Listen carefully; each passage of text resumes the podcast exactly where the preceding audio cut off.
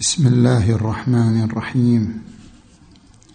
وصلى الله على محمد وآله الطيبين الطاهرين.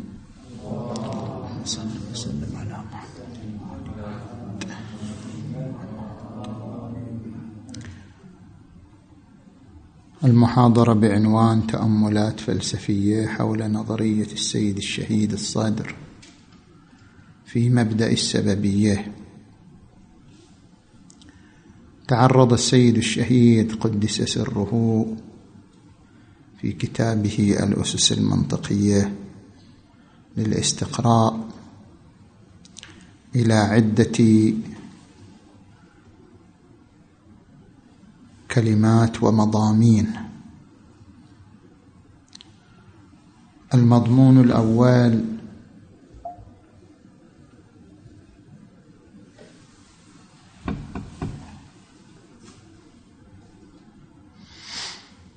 حول السببية العدمية. حيث سبق منا في الجلسة السابقة تقسيم السببية إلى ثلاثة أقسام السببية العدمية والسببية الوجودية والسببية التجريبية. السببية الأولى هي السببية العدمية بمعنى استحالة الصدفة.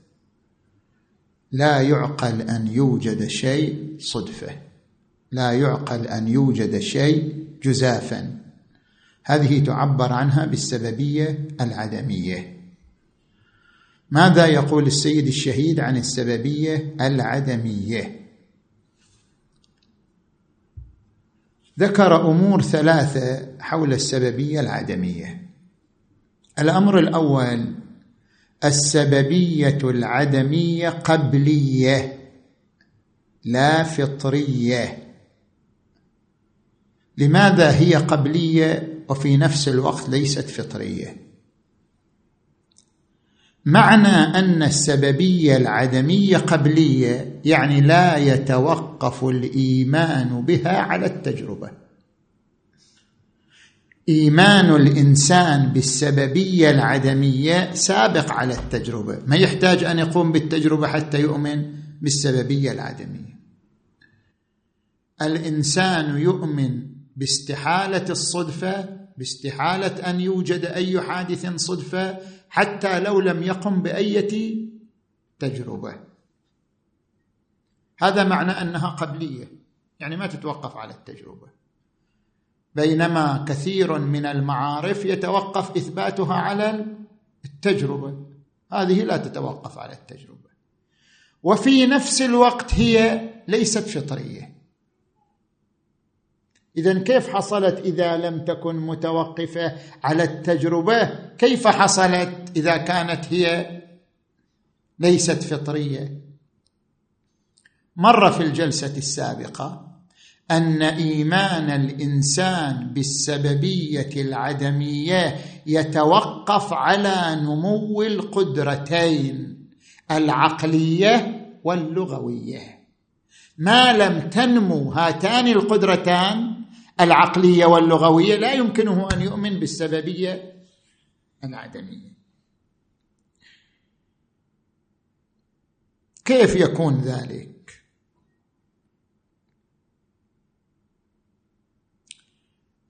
السببية العدمية هي قضية إسنادية. شلون قضية إسنادية؟ يعني عندما يقول الذهن لا يوجد الشيء صدفة. قضية هذه.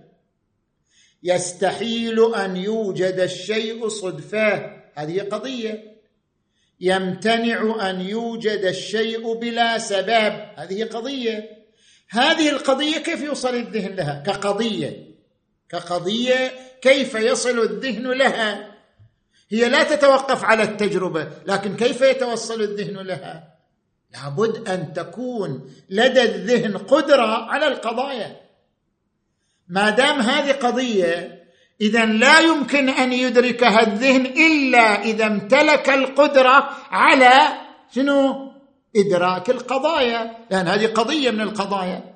فلا بد أن يمتلك الذهن القدرة على القضايا وتأليفها وبالتالي سيكون قادرا على إدراك هذه القضية ألا وهي الشيء يستحيل أن يوجد صدفه. طيب متى يتمكن الذهن من إدراك القضايا؟ إذا نمت عنده قدرتان قدرة عقلية وقدرة لغوية. أما القدرة العقلية فهي قدرة الذهن على التجريد والتعميم والتركيب. الذهن يدرك لنفترض الذهن يدرك صورة إنسان أمامه تمام؟ هذه مو قضية هذه صورة واحدة. حتى يحتاج يكون قضية. يقوم اولا بالتجريد. يعني تجريد هذه الصورة عن ظروفها لأنه هذه الصورة انطبعت في الذهن ضمن ظروف معينة وقت معين مكان معين شكل معين إلى آخره. يقوم الذهن بتجريد الصورة عن ظروفها والقدرة على التعميم اللي سبق من عندنا. كل صورة فيها نقاط مشتركة نقاط خاصة. يقوم الذهن ويسلط الضوء على النقاط المشتركة من الصورة لينتزع منها جامع. جامع نسميه صورة الإنسان مثلا أو إنسان أو رجل وهكذا. بعدين نجي قدرة الذهن على شنو؟ على التركيب. رجل أسمر رجل أمامي. إنسان يتكلم. يألف قضية من موضوع. ومحمول هذه القدرة نسميها القدرة العقلية. لابد أن تنمو عند الإنسان. وعندنا قدرة لغوية. شنو القدرة اللغوية؟ هي القدرة على الترميز. ما يقدر الإنسان كما ذكرنا في الجلسة السابقة لا يمكن للإنسان أن أن يؤلف قضايا إذا ما عنده رموز في ذهنه. مو لازم اللغة ترض الإنسان قبل أن ما تكون عنده لغة كيف كان يتعامل؟ بالترميز. يرمز إلى كل شيء برمز معين في ذهنه. فببركة الترميز يرمز إلى الموضوع يرمز إلى المحمول يرمز إلى القضية.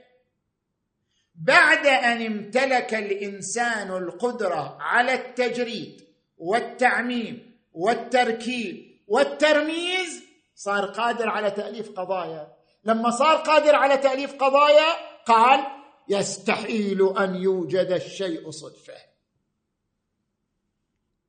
فهذه القضية وهي السببية العدمية التي هي عبارة عن استحالة وجود الشيء صدفة. هذه القضية صحيح قبلية ما يحتاج تجربة لكنها ليست فطرية بمعنى أن ادراكها يتوقف على نمو القدرتين العقلية واللغوية خوش هذا الأمر الأول الذي ذكره. الأمر الثاني إن نمو القدرتين كيف أنا أنمي القدرتين؟ هذا الطفل استوى طالع من بطن أمه. كيف ينمي القدرتين حتى يتوصل إلى إدراك القضايا؟ إن نمو القدرتين يتوقف على الإيمان بواقع الإحساس. لا واقع المحسوس.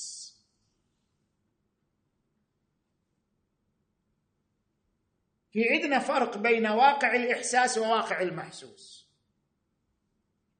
أنا الآن أضع يدي على شنو؟ أضع يدي على الماء الحار.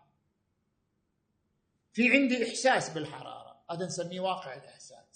أما هل وراء هذا الإحساس فعلا أكو حرارة في الخارج؟ لو أنا متوهم هذا نسميه واقع المحسوس. فالإنسان يؤمن اولا بواقع الإحساس أن فعلا قاعد أحس. هذا ما أقدر أكذب إحساسي. أنا فعلا قاعد أشعر بحرارة.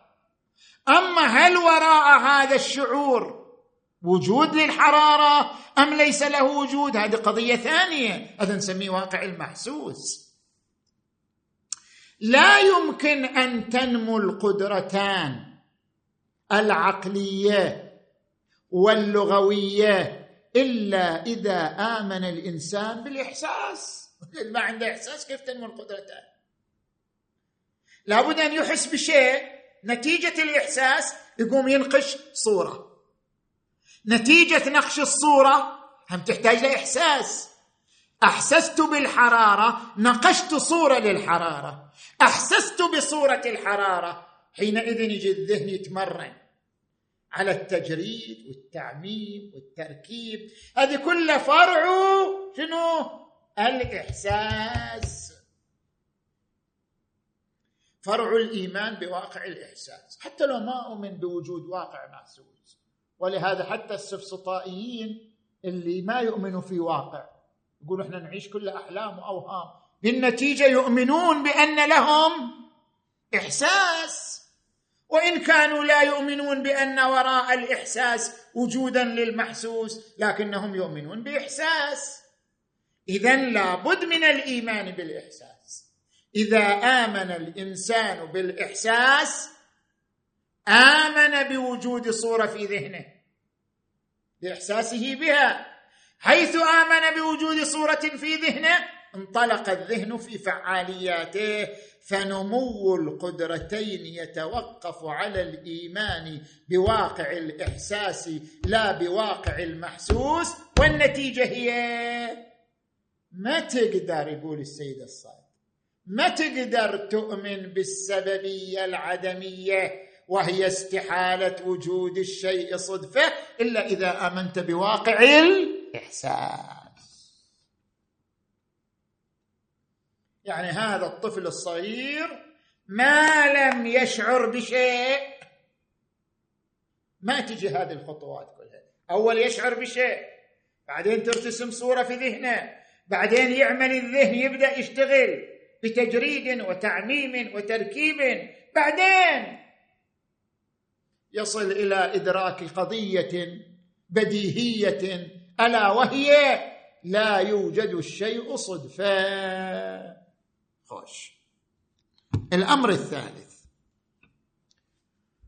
قال إن الإيمان بواقع الإحساس شرط في خروج الحكم بالسببية من القوة إلى الفعل. ربما واحد يقول شذا إذا الإيمان بالإحساس سبب. إذا كان الإيمان بالإحساس سببان للإيمان بالسببية. صارت السببية متوقفة على نفسها. وهذا شنو؟ دور. الإيمان بواقع الإحساس سبب للإيمان بالسببية. كيف؟ انت افترضت وجود سبب. معناه أن السببية سبقت. الإيمان بالسببية. كيف هذا يتم؟ الإيمان بواقع الإحساس. ليس سببا وعله للإيمان بواقع السببية العدمية. حتى لا يلزم شنو؟ لا يلزم الدور لا يلزم توقف الشيء على نفسه. اذا شنو؟ يقول هذا الشرط. شرط يعني شنو؟ يعني معد. يعني شنو معد؟ يعني كيف تدرك الألوان؟ يقولوا في الظلام ما تقدر تدرك الألوان صح لو لا؟ طيب. إذا انعكس الضوء إذا انعكس الضوء على الجسم أدركت اللون. بس وجود اللون مو مسبب عن الضوء. اللون وجوده مو مسبب عن الضوء. كل جسم فيه خاصية. تلك الخاصية هي السبب في اللون. ليش هذا الجسم أسود وهذا أبيض وهذا أخضر وهذا كذلك؟ كل جسم له خصوصية. تلك الخصوصية هي سبب وجود اللون. اذا الضوء مجرد شرط. يعني يعد النظر لإدراك اللون. فاللون لا يتوقف وجوده على الضوء. اللون يتوقف وجوده على خصوصية في الجسم. أما انعكاس الضوء يعد البصر لرؤية اللون. هنا يقول السيد طاب ثراه قدس سره. عندما نقول لا بد من نمو القدرتين العقلية واللغوية ونمو القدرتين يتوقف على الإيمان بواقع الإحساس. كل هذا مو عله ليس سببا لقانون السببية. قانون السببية كامن. قاعد حارس آه. متى يصير شرط؟ حتى يخرج للوجود. قانون السببية مختزن في ذهن الإنسان. الإيمان بالسببية العدمية أمر مختزن في ذهن الإنسان. يحتاج إلى شرط يثيره. يحتاج إلى شرط يخرجه من القوة إلى الفعلية من الإبهام إلى الوضوح. وإلا هو موجود في مختزن في عقل الإنسان. غاية ما في الأمر. هذا المختزن في عقل الإنسان وهو أن الشيء لا يوجد صدفة. هذا المختزن بس يريد مثير. مثير يطلع من القوة إلى الفعلية. هذا المثير هو شنو؟ نمو القدرتين العقلية واللغوية المستند إلى الإيمان بواقع الإنسان. فتلخص من ذلك أن قانون السببية قبلي بمعنى سابق على التجربة لا فطري بمعنى توقف خروجه من القوة إلى الفعلية على شنو؟ نمو على شرط وهو نمو القدرتين والإيمان بواقع الإحسان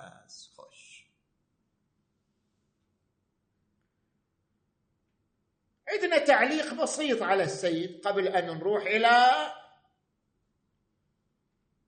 السببية الثانية وهي السببية الوجودية. نقول صحيح اللي قاله أن الإيمان بالسببية يتوقف على شيء. بس المتوقف عليه علم حضوري لو علم حصولي. هذه النقطة المهمة. بمعنى أن الإنسان على نحو العلم الحضوري موجود عند شعور بالسببية شعور الإنسان بالأشياء ومنها نفسه قبل ما يروح لشيء أي شيء ثاني. ما نحتاج نروح لأي شيء ثاني. وأول شعور شعور الإنسان شنو؟ نفسه. شعور الإنسان بنفسه هذا علم حضوري هذا مو علم حصولي شعور الإنسان بنفسه هو شنو؟ هو ممتزج مع شعور الإنسان بالسبب. شعور الإنسان بنفسه مستبطن متضمن لي أن هذه النفس لا توجد. صدفة. هذه النفس لا يمكن أن توجد. صدفة. هذا الشعور شعور الإنسان بنفسه بنحو العلم الحضوري يتوقف عليه الإيمان بالسببية على نحو العلم الحصولي وأما العلم بالسببية بنحو العلم الحضوري لا ما يتوقف على شيء. لعل مقصود السيد الجيد هذا هو.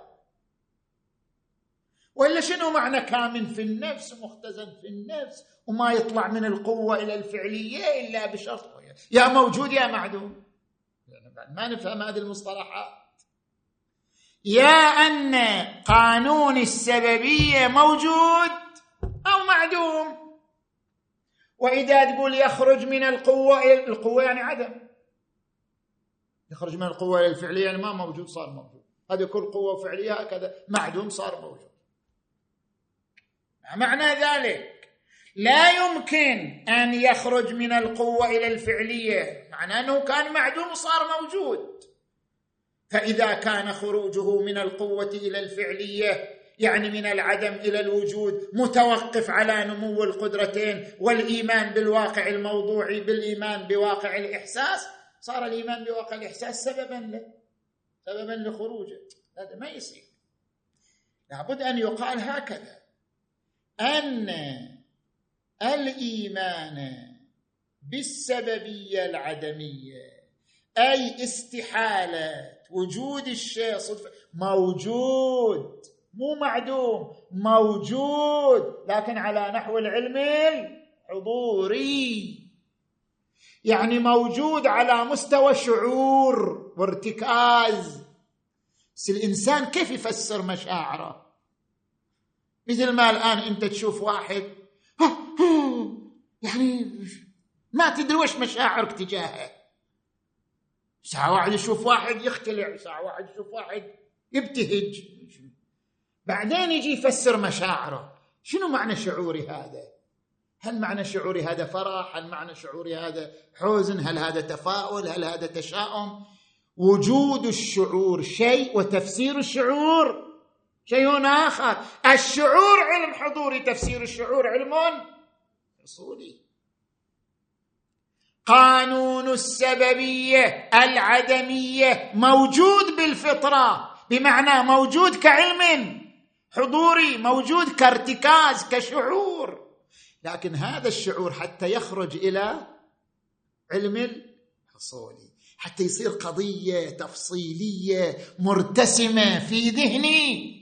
يحتاج إنه إلى نمو القدرتين العقلية واللغوية والاستناد إلى الإيمان بواقع الإحساس. هذه كلها مقدمات. هي شرط في خروج الشيء من علم حضوري إلى علم حصولي. لعل هذا مقصوده. وإلا لا يتصور أن يتوقف الإيمان بالسببية على شيء وذلك الشيء ليس سببا. نتيجة هو سبب له. زين. نجي الآن إلى السببية الوجودية. ذكر السيد الشهيد قدس سره أن وراء السببية العدمية شيء اسمه سببية وجوديه شنو السببية الوجودية؟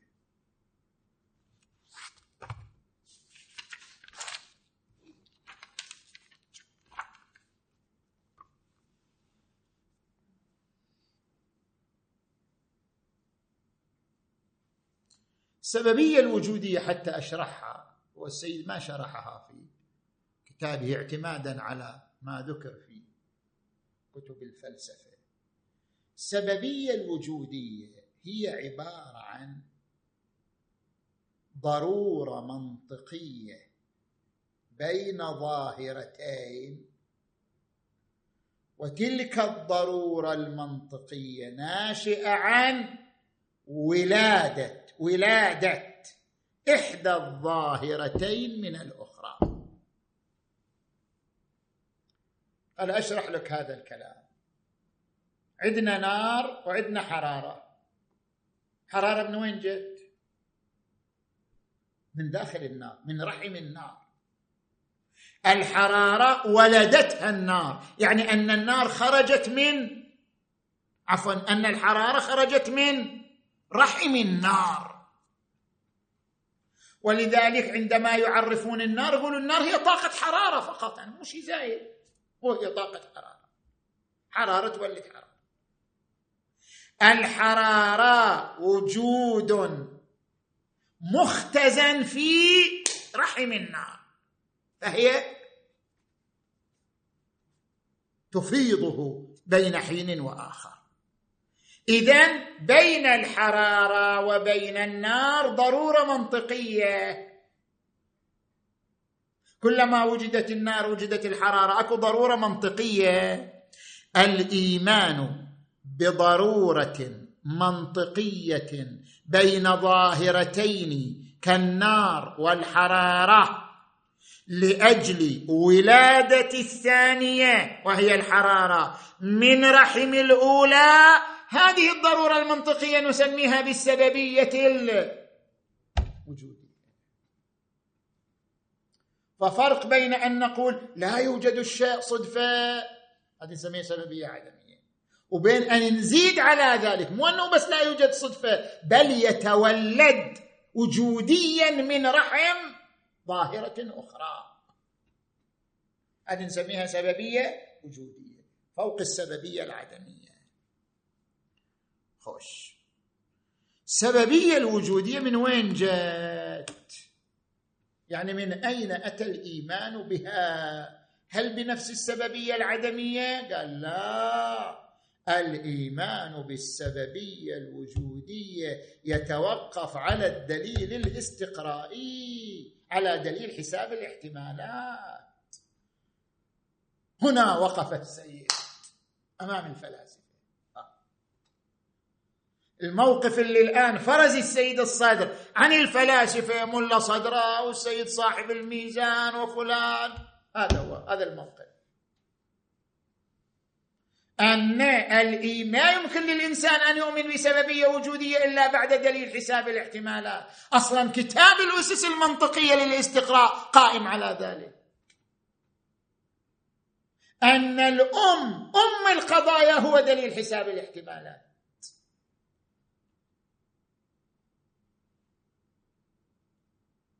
أقل قضية ما تقدر تدركها إلا بدليل حساب الاحتمالات. أقل قضية. في أكثر من وجودك؟ أنا موجود لو ما أنا موجود. تحتاج دليل حساب الاحتمالات. ابده قضية لدى الإنسان أن يدرك أنه موجود. تقول هذه تحتاج دليل حساب الاحتمالات.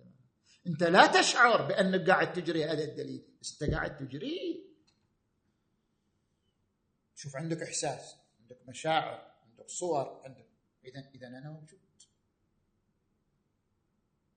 شلون الإنسان أول ما لا سمح الله يصاب بإغماء أو يصاب بضربة شديدة فيغمى عليه بعد ما يجلس من الإغماء يبدأ شنو؟ يبدأ يريد يثبت هو موجود لو مو موجود. يريد يثبت أنه هو واعي لو مو واعي. يشتغل دليل حساب الاحتمال. ها؟ أنت قاعد تحس الآن. أنت قاعد تبصر الآن. أنت قاعد تتحرك الآن. ها زلت موجودا هذا نفسه يجريه كل إنسان عند إدراك وجوده لأول مرة. من حيث لا يشعر. يمر على المقدمات بشكل سريع. ابده القضايا يتوقف الإيمان بها على دليل حساب الاحتمالات وهي أن تدرك أنك موجود. فكيف بمبدأ السببية الوجودية؟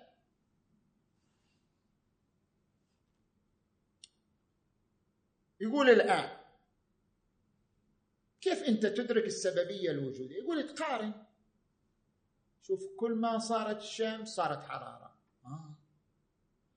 كل ما صار رعد.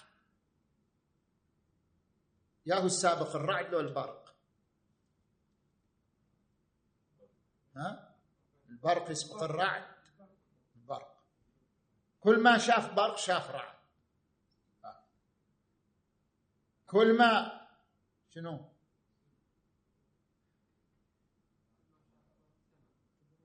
سمع رعد مثلا. كل ما شاف شمس حسب الحرارة كل ما سمع شاف البرق سمع الرعد كل ما وهكذا. من يستقرأ هذه الظواهر؟ هذه ظاهرة. هذه ظاهرة. هذه ظاهرة. آه إذا هناك سببية.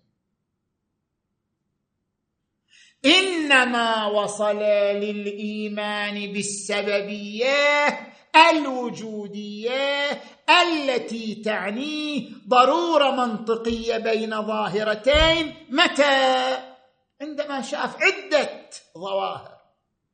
لما شاف عدة ظواهر في حياته شاف هذه الظاهرة تتبعها الظاهرة. هذه الظاهرة تتبعها هذه الظاهرة. هذه الظاهرة تتبع هذه الظاهرة. آمن بوجود ضرورة منطقية بين الظواهر المعبر عنها بشنو؟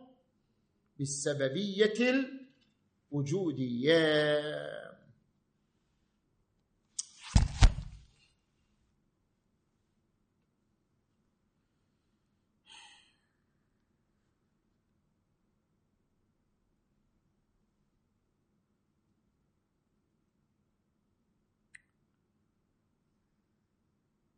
إن الذهن البشري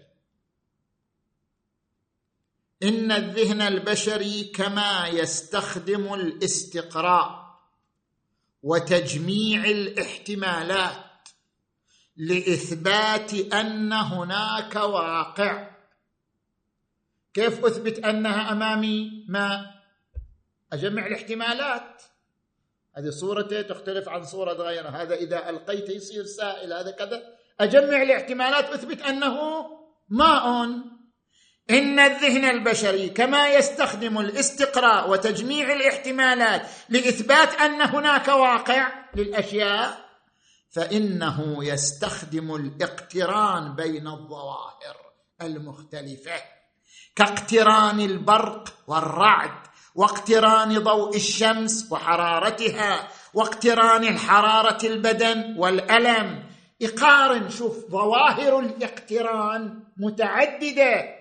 إذا استقرأ عدة ظواهر للاقتران نتيجة تجميع الاحتمالات آمن أن وراء الاقتران ما يسمى بالسببية الوجودية. ويكفي في إيمان الذهن بمبدأ السببية الوجودية أن يدرك أن هناك علاقة ضرورية بين صورتين صورة البرق وصورة الرعد. وإن لم يؤمن بأن وراء الصورتين واقعا موضوعيا. لاحظوا يقول الإيمان بالسببية الوجودية ما يحتاج تؤمن بالواقع. هذا يريد يرد على السفسطائيين. يقول حتى السفسطائيين يؤمنوا بالسببية الوجودية. لا يتوقف الإيمان بالسببية الوجودية على الإيمان بواقع. يكفي أن يؤمن أن في ذهنه صورتين مقترنتين. كل ما جاءت صورة البرق في ذهنه جاءت معها صورة الرعد. كلما جاءت صورة الشمس في ذهنه جاءت معها صورة الحرارة. كلما جاءت صورة الحرارة في جسمه جاءت معها صورة الألم. الاقتران بين الصورتين في الذهن كلما تكرر حصل للإنسان احتمال وجود سببية. إلى أن يؤمن بوجود سببية وجودية بين الأشياء. فالإيمان بالسببية الوجودية لا يتوقف على الإيمان بواقع. حتى لو ما تؤمن بالواقع يكفي الاقتران بين الصور. للإيمان بواقع العلية أو السببية الوجودية. بمعنى أننا لا نحتاج إلى إثبات مبدأ السببية إلى إثبات الواقع الموضوعي للأشياء. ما نحتاج إلى يكفي الاقتران بين الصور. هذا المطلب الثاني الذي أفاده. نجي إلى المطلب الثالث السببية التجريبية. مرت السببية العدمية مرت السببية الوجودية وصلنا إلى السببية التجريبية. السببية التجريبية يعني السببية الخاصة. السببية الخاصة. فكيف يؤمن الإنسان بوجود سببية خاصة لا محالة. يحتاج إلى امرين استقراء وإيمان بالواقع. أنا أرى أنه حركة الإنسان في السيارة إنسان جالس في السيارة يتحرك بحركة شنو؟ السيارة. حركة الإنسان في السيارة مستندة لحركة السيارة. حركة السيارة مستندة للماكينة. الماكينة مستندة إلى الطاقة. ليش ذهني يبحث؟ ليش؟ شفت الإنسان مر. ها اذا هو في سيارة تتحرك. من وين جت حركة السيارة؟ ها اذا هو هناك ماكينة تشتغل. من وين جت حركة المك... ها اذا هناك طاقة. هذا الانتقال من شيء إلى شيء هو عبارة عن البحث عن السببية الخاصة السببية التجريبية. ما هو وراء هذه كلها؟ تلك الطاقة. ذهاب الإنسان إلى البحث والفحص عن السببية الأولى. يسمى بالسببية شنو؟ التجريبية. لا يمكن للإنسان أن يؤمن بالسببية التجريبية لو لم يؤمن بوجود واقع. اذا هنا احتجنا مو للإيمان بواقع الإحساس احتجنا للإيمان بواقع المحسوس. لو لم نؤمن بأن وراء الحس واقع لما بحثنا عن السببية الخاصة أي السببية التي اكتشفناها بالتجربة خوش ولذلك قال قدس سره إن الإيمان بالسببية التجريبية يتوقف على أساس ظاهرة الحضور والغياب. يعني بعض الجمعات يحضروا الجماعة بعض الجمعات ما يحضروا. في حضور وغياب زين. فيقول هذا الإيمان بالسببية التجريبية الخاصة يتوقف على ظاهره الحضور والغياب. آه قم سجل من حضر من غاب. شلون يتوقف على ظاهرة الحضور والغياب؟ إحنا الآن عندنا مثلا نار عندنا حرارة. أو لا نجيب شيء أوضح من بل أوضح من ذلك. حركة السيارة والطاقة. نقول كلما وجدت ظاهرة حركة السيارة وجدت الطاقة. حضور! لكن ليس كلما وجدت الطاقة وجدت حركة السيارة. ممكن الطاقة تولد شيء ثاني. فاذا حركة السيارة معلول والطاقة علة لأن المعلول لا يمكن أن يحضر بدون حضور العلة. لا يمكن لكن يمكن أن تحضر العلة ولا يحضر المعلول للاحتياج إلى شرائط أخرى. هذا معنى ظاهرة الحضور والغياب خوش.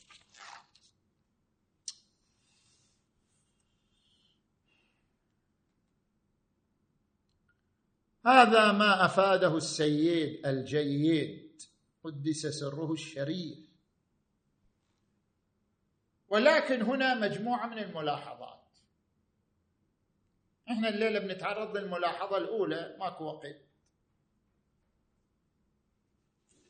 إحنا نجي متأخرين جماعة يجوا متأخرين. آه، شوية.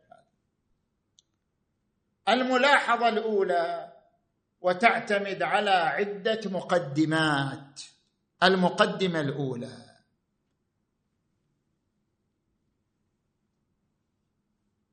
الملاحظة الأولى وتتألف من أمور عفوا.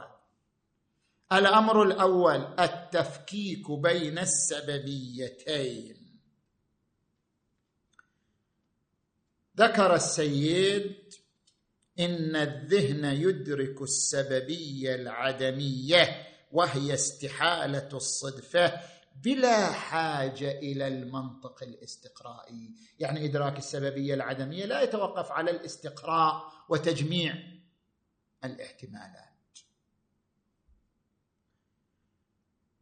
وإن كان يحتاج في إدراك السببية العدمية إلى معاينة القضايا الحسية يعني إلى الإيمان بواقع الإحساس كشرط لإثارة الذهن. نحو هذه القضية الأولية وهي أن الشيء يستحيل أن يوجد صدفة. وأما السببية الوجودية وهي ولادة ظاهرة من رحم ظاهرة أخرى فهي مستفادة من الدليل الاستقرائي أي أن الذهن إنما يؤمن بالسببية الوجودية إذا أجرى الدليل الاستقرائي لعدة ظواهر. فرأى أن هناك قدرا مشتركا بين الظواهر. ذلك القدر المشترك بين الظواهر هو مبدأ السببية فيتحقق الإيمان بها. اذا السيد يفكك بين السببيتين. خوش. نجي إلى باء هذا الأمر الأول التفكيك بين السببيتين في كلامه. نجي إلى باء لا يمكن التفكيك بين السببيتين. هو فكك بين السببيتين. إحنا في باء نقول لا يمكن التفكيك بين السببيتين. لماذا؟ لرجوع مبدأ السببية عند تحليله. ده بيجي واحد يحلل مبدأ السببية إلى عدة أسئلة. الآن نذكر هذه الأسئلة.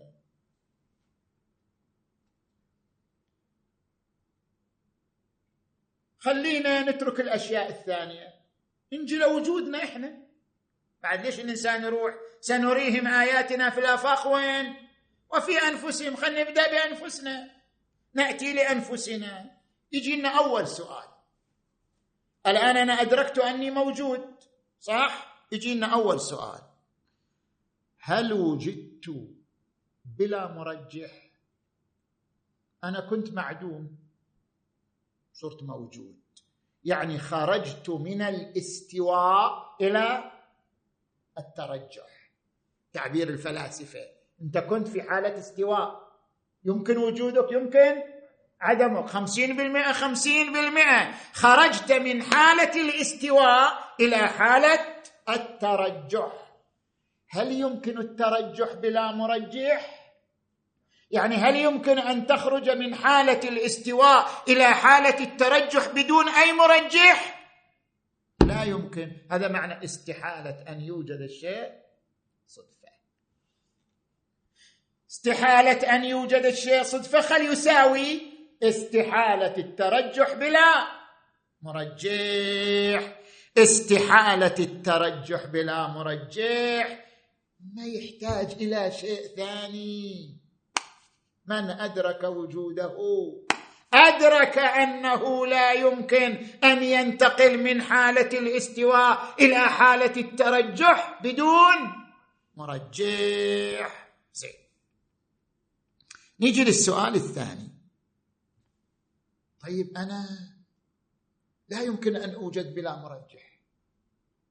لكن هل المرجح من ذاته أم من غيره؟ ولا ثالث لهما. كل شيء تضع يدك عليه إما سببه من ذاته أو من غيره ولا يوجد شق ثالث لا من ذاته ولا من غيره. من وين؟ كل شيء سببه إما من ذاته أم من غيره. انت قلت يستحيل صدفه؟ مو قلت يستحيل أن ينتقل من حالة الاستواء إلى حالة الوجود بلا مرجح؟ اذا هذا المرجح من وين جاء؟ إما من ذاته أو من غيره. ولا يوجد شق ثالث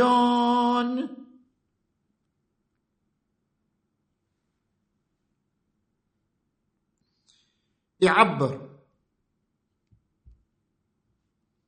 المحقق الداماد تذوت الذات وشيئية الشيء إما من ذاته أو من غيره تذوت الذات يعني صيرورة الشيء. متى يصير ذات؟ إذا صار. متى يصير شيء؟ إذا صار. الصيرورة هي التذوت. الصيرورة هي الشيئية. هذه الصيرورة وجدت حرارة. وجدت حرارة يعني شنو؟ تذوتت. أصبحت ذات. أصبحت شيء. وجود الحرارة إما من ذاته نفس الحرارة ولدت نفسها أو من غيرها. وأنت تقول يستحيل صدفة. فإذا يا جت من ذاته يا جت من غيره. ولا يحتمل الذهن شقا ثالثا بالفطرة. بالفطرة ما يحتمل شق ثالث. قل يا من هنا يا من هنا. هذا السؤال من وين ولد؟ بمجرد انت سألت السؤال الأول جاء السؤال الثاني. منطقيا اوتوماتيكيا. لا يحتاج لا إيمان بواقع الإحساس ولا يحتاج تمر بالدليل الاستقرائي ولا ولا ولا. السؤال الأول يولد السؤال الثاني مباشرة.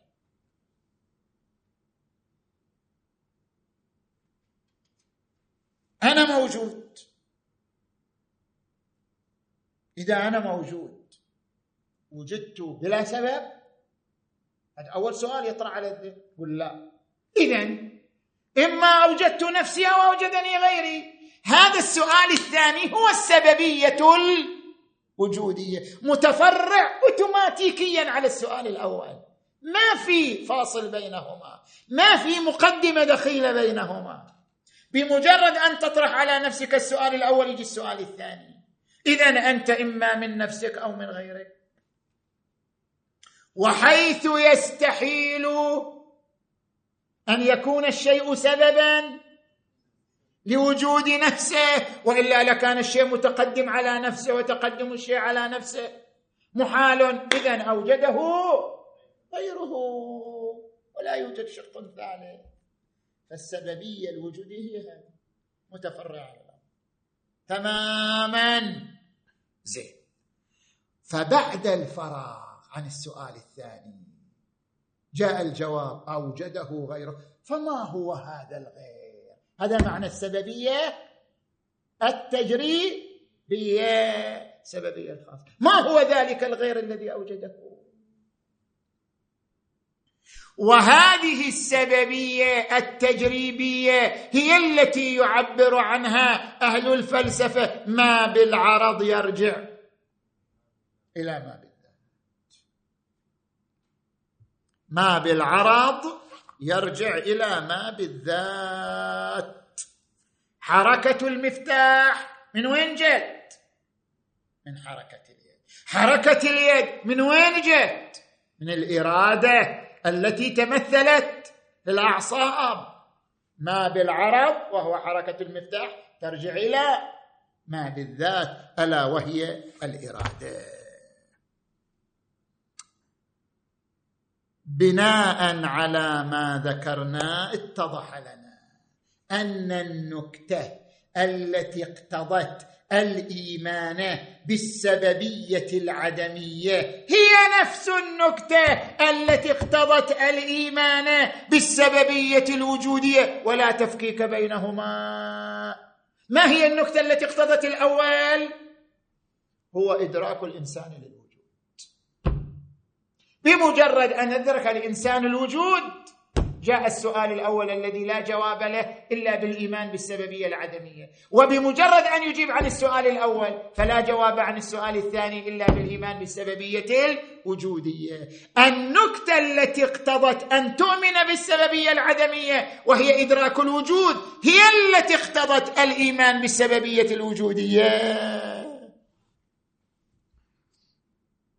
فنفس النكتة التي اقتضت قبلية الإيمان بالسببية العدمية هي التي اقتضت قبلية الإيمان بالسببية الوجودية.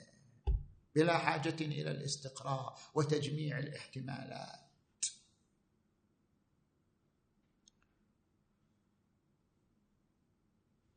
ثلاثة خب بينا هل يعود ما بالعرض لا ما بالذات شرحنا. زين جينا إلى جيم. لا يتوقف الإيمان بالسببيتين العدمية والوجودية على الإيمان بالواقع الموضوعي. ما يحتاج تؤمن أن في واقع في الخارج. حتى لو أنت تعيش في أوهام. تعيش في أوهام. وتؤمن بأن ما في غير نفسي. ما في شيء في الدنيا غير نفسي. أنا ونفسي. حتى لو لم تؤمن بما في الخارج يكفيك في الإيمان بالسببيه إدراك وجودك. ماكو إنسان ما يدرك وجوده. يكفي أن تؤمن بالسببيتين أن تدرك أنك موجود أنك ذات بدون حاجة للإيمان بالواقع الموضوعي للمحسوسات. جئنا إلى النقطة الأخيرة. راسل اختلف مع السيد الصدر راسل قال الدليل الاستقرائي يتوقف على مبدأ السببية. كيف السببية يتوقف على الاستقراء؟ هو الاستقراء يتوقف على مبدأ السببية. سيد الصدر يقول لا دليل الاستقراء ما يتوقف على السببية يتوقف على عدم رفض السببية لا على الإيمان بالسببية. هذا بعد نشرحه في الأسبوع القادم لأنه يطول الكلام فيه والأخذ والرد بين راسل وبين ابن الرسول. ألا وهو السيد الشهيد قدس سره.